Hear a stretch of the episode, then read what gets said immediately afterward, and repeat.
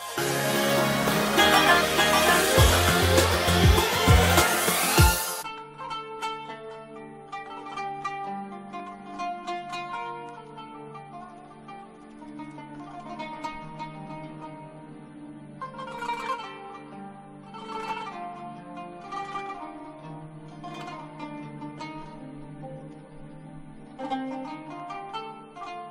الله الرحمن الرحيم. الحمد لله والصلاة والسلام على سيدنا رسول الله وآله وصحبه ومن والاه. مع سيرة المصطفى والحبيب المجتبى صلى الله عليه وآله وسلم نعيش هذه اللحظات ونحن نتعلم منه مكارم الأخلاق وكيف نتصرف في المواقف وكيف نسير في الحياة إلى الله سبحانه وتعالى. فالنبي صلى الله عليه وسلم هو قدوتنا وسيدنا وبابنا إلى الله. لقد كان لكم في رسول الله أسوة حسنة لمن كان يرجو الله واليوم الآخر وذكر الله كثيرا. انتصر النبي صلى الله عليه وسلم على أهل خيبر. وقسمها إلى ستة وثلاثين قسم. الأرض الزراعية قسمها لستة وثلاثين قسم. وجعل في كل قسم مئة سهم. مئة سهم يعني مئة نصيب يعني مش سهم اللي هو بتاع إحنا عندنا الفدان 24 قيراط والقيراط 24 سهم لا مش هو ده. إنما أسهم بمعنى أنصبة. كان معاه 1400 آه، محارب وكان معاه 200 فرس. فعطى. إحنا لينا نص ال 3600 إحنا معانا دلوقتي 3600 سهم يبقى نصهم 1800 عطى لكل واحد سهم بما فيهم هو. يبقى 1400 وعطى لكل فرس سهمين. فالشخص اللي معاه فرس بقى معاه ثلاثة واحد ليه واثنين للفرس. 200 في اتنين يبقى بكام؟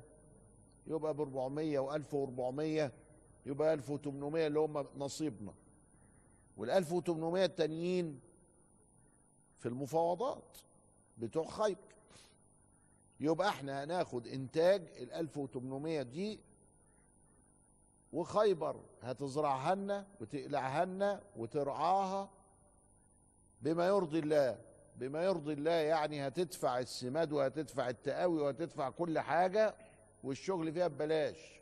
في نظير إيه؟ إن إحنا عاطينه 1800 ما ال 1800 دي استحقاقنا إحنا.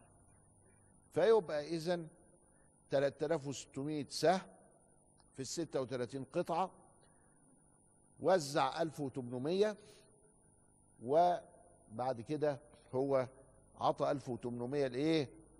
لخيبر. أبو هريرة جاي زي ما ذكرنا في حلقة سابقة ومعاه شوية مين جه تاني؟ جه تاني سيدنا جعفر ابن أبي طالب. سيدنا جعفر ابن أبي طالب. عمرو بن ضمره راح للنجاشي وقال له ابعت لنا يعني إيه كده. فراح عمل سفينة تشيل كام السفينة؟ 16 واحد. وجاي مين كمان؟ أبو موسى الأشعري. طلع يركب المركب فما لقاش مركب إلا على الحبش. فراح هو والأشاعرة الأشعريين يعني للحبشة وهم مع الستاشر بتوع جعفر جم عددهم خمسين واحد. فأسهم لهم أسهم لهم بقى في الفلوس وفي الكنوز وفي ها؟ مش أسهم لهم في الأرض ما الأرض خلصت. ال 1800 خلصوا. لكن فأسهم لهم يبقى في الأموال دي. والأموال دي نفعت الصحابة يا جدع نفع كبير جدا. فسدد المهاجرون للأنصار ما كانوا قد انتحلوه منهم. زمان لما جم المهاجرون قلنا تسعين ونزلوا على الأنصار الأنصار عطتهم.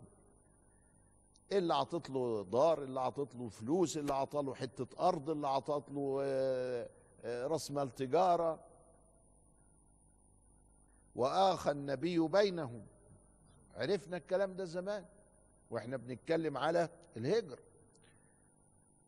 فبقى في ذمتي لأخويا الأنصاري حاجة. فراحوا مسددينها كلها بعد خيبر. فالمدينة انتعشت. الفلوس زادت ما بين إيديهم وكل واحد عطى خد وهو كمان خد لأنه خرج فرجع بقى معاه الميراث بتاعه يعني الأصل بتاعه وبقى معاه ما أخذه من الغنيمة وبقى معاه ما استرده من الأموال. فأهل المدينة يعني إيه؟ انتعشت المدينة اقتصاديا بعد خيبر. في يهود تانيين ساكنين في حتة اسمها فدك. فدك دي هي قريبة من خيبر كده وفيها شوية يهود. فالنبي عليه السلام فات عليهم. مش هتسلموا؟ قالوا له طب حاضر بس يعني نفكر كده. قال لهم طب فكروا. قعد ثلاث أيام. ها هتفكروا ولا هتحاربوا ولا هتعملوا إيه؟ قالوا له لا مش عايزين نحارب. وإحنا سمعنا إنك أنت راجل طيب ووافقت على نص نص بالنص خمسين في المية مع أهل خيبر ما تعملنا زيهم وأنت هتقتلنا ليه؟ قال لهم خلاص حاضر. اعملكوا زي والنص بالنص. بالشكل ده شرعا يبقى النص بتاع فدك دية بتاع النبي لأنه لم يوجف عليها بخيل ولا ركاب يعني مفيش حرب ولا في أي حاجة. فربنا جعل الحاجة اللي الناس ما حاربتش فيها ما بذلتش فيها أي مجهود ده هو يا دوبك بس بوجاهة النبي. دي بتاعت النبي. ده باتفاق الأمة إن فدك بتاعت النبي. فدك فيها قد إيه بقى؟ فيها اللي فيها. لكن النبي ليه خمسين في المية منها من أرض فدك.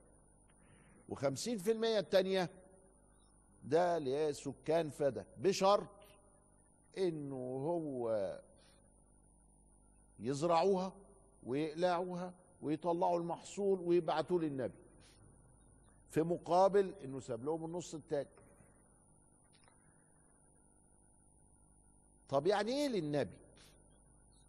هنا الخلاف اللي حدث فيما بعد بين الشيعة وما بين السنة. بل وحدث بين السيدة فاطمة عليها السلام وبين سيدنا أبي بكر رضي الله تعالى عنه وأرضاه. هل معنى أنها للرسول بشخصه ولا أنها للرسول بصفته؟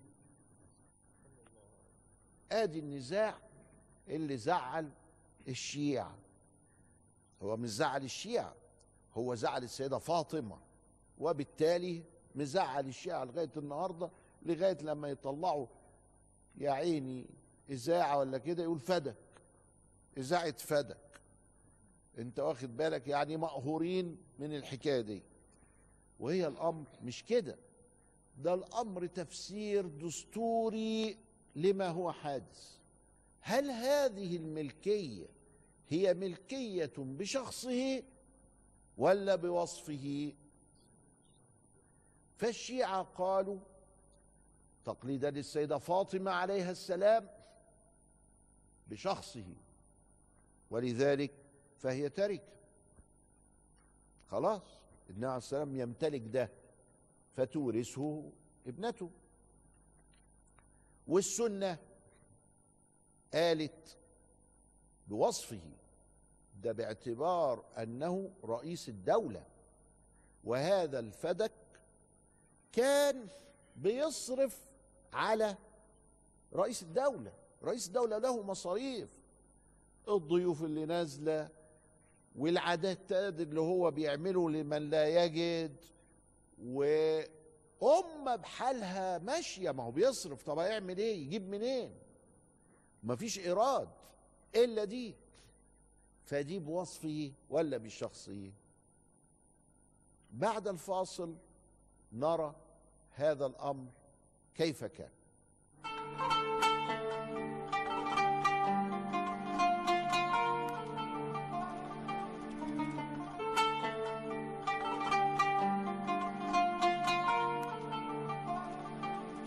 بسم الله الرحمن الرحيم الحمد لله والصلاة والسلام على سيدنا رسول الله وآله وصحبه ومن والاه.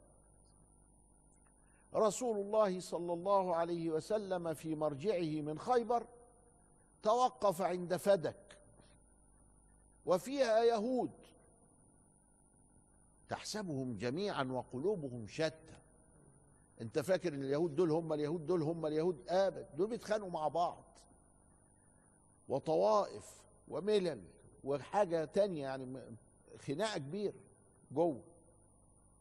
لكن في في الظاهر كأنهم مع بعض لكن هم مش مع بعض. فدك ما انقذتش ليه خيبر؟ ما انقذتهاش لأنهم مصلحتي فين وأنا مال؟ ده ده خيبر دي هي ما بين المدينة وبين خيبر قبائل غطفان. في الحتة دي كده. غطفان يقفوا مع اليهود ضد النبي. فلما بعت لهم عبد الله بن أبي بن سلول لخيبر الحقوا ده محمد جاي لكم راحوا اتصلوا على طول بغطفان. وقالوا لهم يا غطفان ما تقطعوا الطريق على محمد. فغطفان قالت أيوه ما هو في تحالف وفي حاجة بيني وبينكم هنقطع الطريق على محمد. خرجوا في الطريق الجنوبي ده علشان يقطعوا الطريق على النبي وينهكوه يعملوا حرب استنزاف وبعد ما ينهكوه حتى لو غلبهم ولا كده يوصل خيبر وهو يعني تعبان ومجهد ومقتول منه. ما إحنا قلنا إن القتلى من اليهود في خيبر كانوا 96 97 لكن الشهداء من المسلمين كانوا 16 يعني ممكن يكونوا 18 بعد حادثة بشر بن البراء. فهم مش واحد فغطفان وهي بتعمل كده وجاية تقطع. سمع الضجيج جامد قوي من خلفهم. في هيصة وانت في الصحراء تسمع كويس. على بعد 2 3 كيلو مش شايفين لكن سامعين الصوت. فظنوا أن النبي وصل إلى أهلهم. ما هم سايبين المكان ما فيهش فرسان وكده الفرسان بره الله ده محمد وصل يبقى هيحط إيديه على الأموال وهكذا. فتركوا وعادوا. وقعدوا مكانهم مشلولين. وما طلعوش تاني. وسابوا خيبر تتحرق. ها؟ سيهزم الجمع ويولون الدبر. ما عندهمش عقيدة هم هم المصالح فسابوا خيبر في حالها وكذا. فالنبي عليه السلام وهو نازل فدك فدك راح لفدك. يا فدك هتسلم ولا لأ؟ قالوا نسلم. آه، نعمل ده لا مش هنسلم. نت... ن... اعمل فينا اللي عملته في خيبر في المفاوضات. قال لهم النص بالنص. النبي عليه السلام خد النص وترك لهم النص وعاد إلى المدينة. وكانت إحنا دلوقتي فين؟ إحنا دلوقتي في سنة سبعة. لما رجع المدينة بقى كان إمتى؟ قال لك فدخلها في ربيع الأول في عيد ميلاده عليه الصلاة والسلام. في ربيع الأول سنة سبعة. يبقى للسنة ثمانيه ثم تسعة ثم عشر.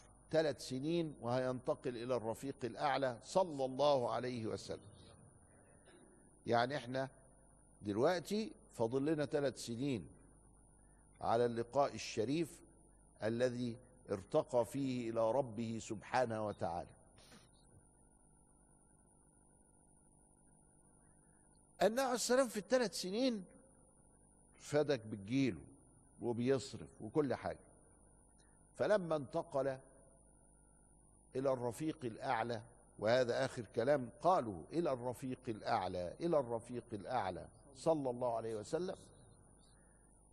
لما انتقل السيدة فاطمة قالت لأبي بكر أين ميراث أبي من فداك؟ قال مفيش. النبي عليه السلام يعني معناة الكلام أخذ هذا من فدك بصفته. ودي الأموال اللي هتيجي من فدك تبقى لرئاسة البلاد وليس لشخص سيدنا النبي. بل إن سيدنا النبي قال نحن معاشر الأنبياء لا نورث. ما تركناه صدقه قالت يا أبا بكر ألم تسمع رسول الله وهو يقول إنما فاطمة بضعة مني؟ قال نعم. قال ألم تسمعه وهو يقول يريبها ما يريبني ويغضبني ما أغضبها؟ قال نعم. قالت فأشهدك وأشهد الله أني قد غضبت عليك. الأكابر بقى هنا ما طب بعدين؟ فبكى أبو بكر وقدم استقالته على طول مباشرة. طلع من عندها وقدم استقالته.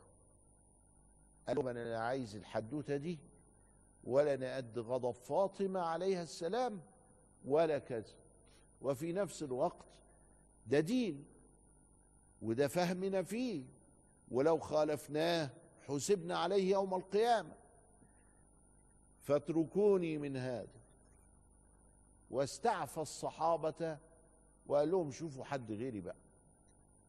لأن أنا اتلخبطت كده. فأبى الصحابة رفضوا الاستقاله يبقى سيدنا أبو بكر وحش.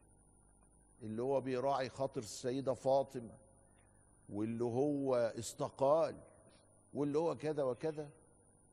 يبقى ظلم اللي بيحصل دلوقتي يكونوا يصفون سيدنا أبو بكر وسيدنا عمر ده ظلم. أبدا. ده هم كانوا بيحبوا بعض. وكانوا لما أجي أقول لواحد شيعي طب تكره أبو بكر ليه؟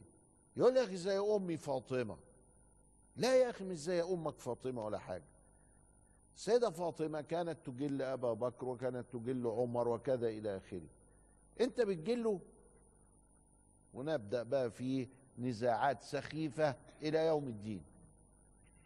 إحنا بنعظم الصحابة الكرام.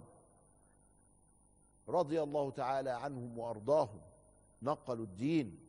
وصلح فيهم تربية النبي. هو النبي ما عرفش يربي. النبي ربى ده إحنا بنقول أبو طالب. مؤمن لأن النبي اتربى في بيته. ده إحنا بنقول أبوه وأمه مؤمنين هيدخلوا الجنة علشان خاطر النبي. ومنتوا تيجوا تقولوا اللي بيننا وبين الناس يا جماعة النبي عليه الصلاة والسلام بنقول إيه؟ أفلح في أصحابه وهم بيقولوا لا لم يفلح. أفلح في أمته وهم بي... التانيين بيقولوا لا لم يفلح. بنقول ده نبي التالتين بيقولوا لا ده مش نبي. بنقول إنه ده معصوم مكرم عالي المقام. التانيين بيقول لا قل إنما هو قل إنما أنا بشر مثلكم ويعمل كده. ونسي يوحى إليه. طاهر مطهر. هم التانيين يقولوا لا. اللي بيننا وبين العالمين هو النبي. خلي بالك. وملكش إلا النبي صلى الله عليه وسلم. ولذلك يجب علينا أن نتمسك بالجناب الأجل فهو الذي من قبله النفحات والرحمات والسكينة والهداية. ومن قبله يأتي الاصطفاء للأمة والعلو لها. ولذلك يجب عليكم أن تعلموا أبناءكم حب رسول الله صلى الله عليه وسلم. رجع النبي ربيع الأول إلى المدينة من خيبر ومن فدك. ثم بعد ذلك سنرى مجموعة من السرايا المتتالية في السنة السابعة ثم بعد ذلك يأتي الفتح. اللهم افتح علينا فتوح العارفين بك. إلى لقاء آخر أستودعكم الله والسلام عليكم ورحمة الله وبركاته.